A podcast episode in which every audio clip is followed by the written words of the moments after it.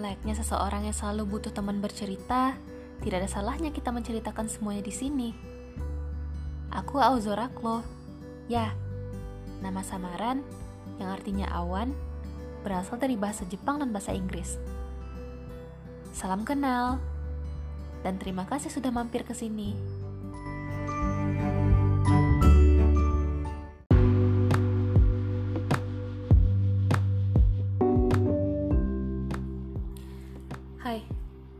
Sekarang aku mau cerita tentang pertemanan sih. Tapi aku ceritanya boleh nggak melo ya, soalnya kalau aku melo kan nanti terlalu terbawa suasana. Jadi aku kalau ceritanya sesegukan ya nggak enak didengar bukan?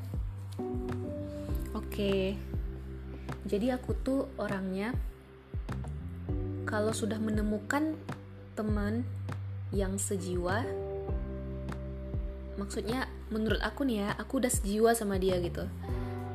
Aku bakalan bener-bener tulus berteman sama dia. Ya no matter what bener-bener merasa udah kayak saudara gitu. Nah jadi boleh kita kilas balik ke belakang dulu. Aku punya teman. Kita tuh ngapa-ngapain bareng. Terus pokoknya apa pun yang aku makan pasti dia, makan. Atau bahkan kita sharing sabun udah sebau gimana? Terbayangkan gimana deketnya? Nah di akhir perkuliahanku aku memang ngerjain project skripsi sama dia. Ya gimana ya caranya aku bilang? Aku bener-bener udah nganggap dia tuh udah kayak saudara gitu kan. Apa pun yang aku dapatkan informasinya aku bakal sharing. Terus ya aku pokoknya tulus deh temen sama dia nah suatu hari aku menyadari dia lama-kelamaan kayak menjauh gitu. Itu disebabkan karena hmm, gimana ya? Mungkin dia orangnya juga cuek apa gimana? Aku juga nggak paham. Kalau misalnya kita bahas-bahas kecuekan, sebenarnya aku juga cuek. Tapi kalau hmm, aku tuh nggak suka kalau aku memberikan dia lebih, aku inginnya juga lebih. Ya namanya manusia kan kita maunya timbal balik bukan? Nah, jadi aku sempat merasa dia tuh ninggalin aku karena dia deket sama temen cowok aku dan akhirnya mereka pacaran. Ya no wonder lah kan mereka lagi bucin-bucinnya aku kan nggak mungkin ganggu mereka. Ya udahlah, tapi sekarang nggak apa-apa sih aku udah terbiasa dengan keadaannya. Aku udah deket lagi sama temenku yang cowok atau dia. Nah maksud aku cerita panjang kayak gini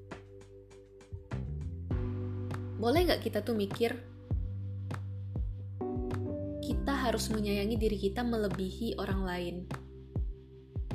Soalnya aku tuh suka nggak sadar gitu sama diriku sendiri jika aku sudah sayang sama orang lain. Aku tuh lebih kasihan dengan orang lain daripada kasihan kepada diriku sendiri.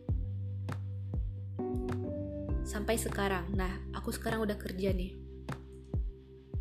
Aku tuh orangnya nggak tegaan, tapi orang tega sama aku gitu jadi aku terlalu cepat merasa kalau wah keren nih tempat kerjanya isinya anak-anak muda sejiwa sama aku bisa diajak main ke sana kemari terus bercanda nggak tegang bla bla bla.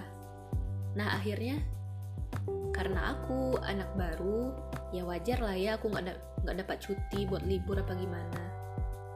Tapi aku tuh kayak aduh aku merasa aku tuh jahat merasa kayak gini. Tapi wajar nggak sih aku merasa jealous mereka bikin grup mereka mereka aja dan pernah loh mereka itu ceritanya lagi berdua.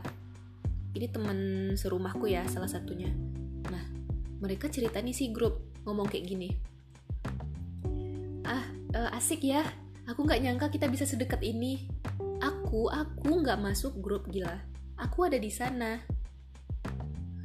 Aku merasa kayak nggak ada gitu tapi giliran aku bakalan pergi mereka kayak kok pergi? Janganlah. Basi tau nggak? Jadi sekarang aku tuh pengen aku pergi dari sini aku pikirin apa planning aku selanjutnya. Tapi masalahnya di masa pandemi ini aku nggak bisa buru-buru memutuskan untuk benar-benar resign dari suatu tempat kerja. Karena kita sama-sama tahu lah ya susah tahu nyari kerja sekarang nah tapi kalau misalnya orang-orang pada mikir aku keluar gara-gara pertemanan ini ya salah besar. Sebenarnya ada sih uh, istilahnya masalah yang gini yang gue pendam sekarang itu menjadi faktor pendukung aku keluar dari pekerjaan sekarang. Tapi masalah besarnya aku tuh pengen dekat orang tua aku soalnya mereka tinggal berdua aku nah sekali lagi aku nggak tega apalagi untuk keluarga ya yang merupakan benar-benar prioritas aku aku akan perjuangin apa pun demi kebahagiaan orang tua aku selagi mereka ada. Oke deh, sekian dulu curhat aku. Ini kedengarannya sedih apa seneng nggak sih aku?